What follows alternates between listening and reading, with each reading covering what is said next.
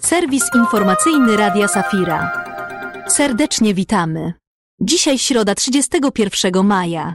Nasi solenizanci to Felix i Kamila, Sylwiusz oraz Vitalis. Jeżeli ktoś z Was nosi to imię, to ściskamy mocno i życzymy wszystkiego najlepszego. Nie zapominamy, że dzisiaj obchodzimy Dzień bez papierosa. To świetny moment, aby rozważyć zdrowy styl życia i zrobić krok w stronę porzucenia nałogu. A teraz zapraszamy do podróży w czasie. 31 maja 1968 roku Stefan Kisielewski rozpoczął pisanie swoich dzienników. Natomiast 31 maja 1989 roku powołano do życia Stowarzyszenie Pisarzy Polskich. Wybierając się jeszcze dalej wstecz, odnajdujemy 31 maja 1503 roku. Właśnie wtedy Mikołaj Kopernik doktoryzował się w Ferrarze z prawa kanonicznego. Nieco bliżej naszych czasów, ale wciąż w przeszłości, 31 maja 1952 roku otwarto największy holenderski park rozrywki Efteling, który znajduje się koło Tilburga. Przejdźmy do kalendarza urodzinowego.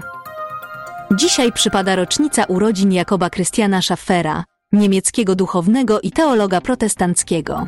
Był także filozofem i entomologiem, a przyszedł na świat w 1718 roku. Z kolei w 1898 roku urodził się Norman Vincent Peale. To amerykański pastor, kaznodzieja, znany przede wszystkim z promowania pozytywnego myślenia. Jego najbardziej znana książka to Moc pozytywnego myślenia, która została wydana również w Polsce. Aktualności. Radio Watykańskie i Vatican News to ważne media dla Kościoła katolickiego. Ich szefowie, Andrea Tornielli i Massimiliano Menicetti, opowiedzą o funkcjonowaniu w cyfrowym świecie i głoszeniu Ewangelii. Spotkanie odbędzie się 1 czerwca na Katolickim Uniwersytecie Lubelskim i będzie tłumaczone na język polski. W Poznaniu rozpoczęły się warsztaty, które pomogą w przebaczaniu. Prowadzący, ksiądz Grzegorz Dobroczyński, opowie o pięcioetapowym procesie przebaczania w kontekście ewangelicznym. Warsztaty mają pomóc uczestnikom zrozumieć skutki przebaczenia dla zdrowia fizycznego i psychicznego. Spotkania adresowane są do osób, które mają trudności z przebaczaniem urazów w relacjach międzyludzkich. Cykl warsztatów rozpoczął się wczoraj, a następne spotkania odbędą się w dniach 6, 13 i 20 czerwca. Spotkania odbywają się w poradni psychologiczno-duchowej Winea. W Krakowie w dniach od 13 do 19 września odbędzie się 13 Zgromadzenie Światowej Federacji Luterańskiej. Gospodarzem jest Kościół Ewangelicko-Augsburski w Polsce. Dla uczestników organizowany jest specjalny program. Goście będą mogli odkryć historię i działalność Kościoła w Polsce. Program obejmuje wizyty w miejscowościach południowo-zachodniej Polski i na Śląsku Cieszyński. Tam będzie można zobaczyć Kościół ewangelicki w akcji. Pastor Gott, ewangelista baptystyczny, ukończył piątą podróż po Ukrainie. Pomimo zagrożenia, Gott kontynuuje działalność ewangelizacyjną i skupia się na pomocy potrzebującym. Podczas wizyty w Kijowie, Żytomierzu i Kremenczuku, ewangelista wygłosił liczne kazania. Jego zespół dostarcza potrzebującym pomoc humanitarną.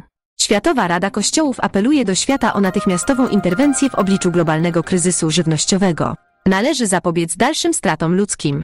Ponad ćwierć miliarda osób zmaga się z głodem. Kościoły są pierwsze na linii kryzysu, ale ich zasoby są niewystarczające. Wzywają społeczność międzynarodową do działania i finansowania. Rada apeluje także o ustalenie, co jest przyczyną rosnącego zjawiska głodu na świecie, a następnie o likwidację przyczyn.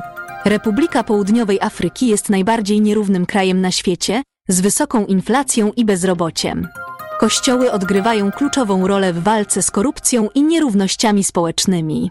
Oferują edukację, tworzą miejsca pracy i pomagają najbardziej potrzebującym. Po dymisji jako Bezumi, rząd stracił zaufanie społeczeństwa. Obecny prezydent Cyril Ramaphosa, pomimo skandalu korupcyjnego, będzie kandydował w przyszłorocznych wyborach prezydenckich. Socjolodzy twierdzą, że młodzi Amerykanie odrzucają skrajnie radykalne organizacje religijne. Młodzi ludzie nie akceptują nietolerancji i ograniczania praw. Coraz więcej młodych osób opuszcza kościoły. Preferują społeczności oparte na akceptacji i wsparciu. Młodzi angażują się w liczne protesty. Sprzeciwiają się prawicowym politykom i influencerom, którzy próbują narzucić swoje poglądy w imię religii. Młodzież pragnie wiary i duchowości. Wolą promować miłość, szacunek i akceptację. Naukowcy w Japonii odkryli zabytkową wazę z czasów ukrytych chrześcijan. Naczynie było używane do przechowywania świętego oleju. Waza zawierała tajemniczy napis escencia. Była przekazywana z pokolenia na pokolenie w pewnej japońskiej rodzinie. Badacze uznali, że naczynie służyło w ceremonii chrztu słynnego japońskiego pana feudalnego. Prześladowania chrześcijan w Japonii trwały przez prawie 300 lat. Misjonarze kontynuowali swoją pracę w konspiracji. Dopiero w 1898 roku nastąpiło złagodzenie represji i przyszedł czas tolerancji religijnej. Na tym kończymy nasz serwis informacyjny. Życzymy Wam odnalezienia wielu naczyń, pełnych pozytywnej energii. Zostań na falach Radia Safira.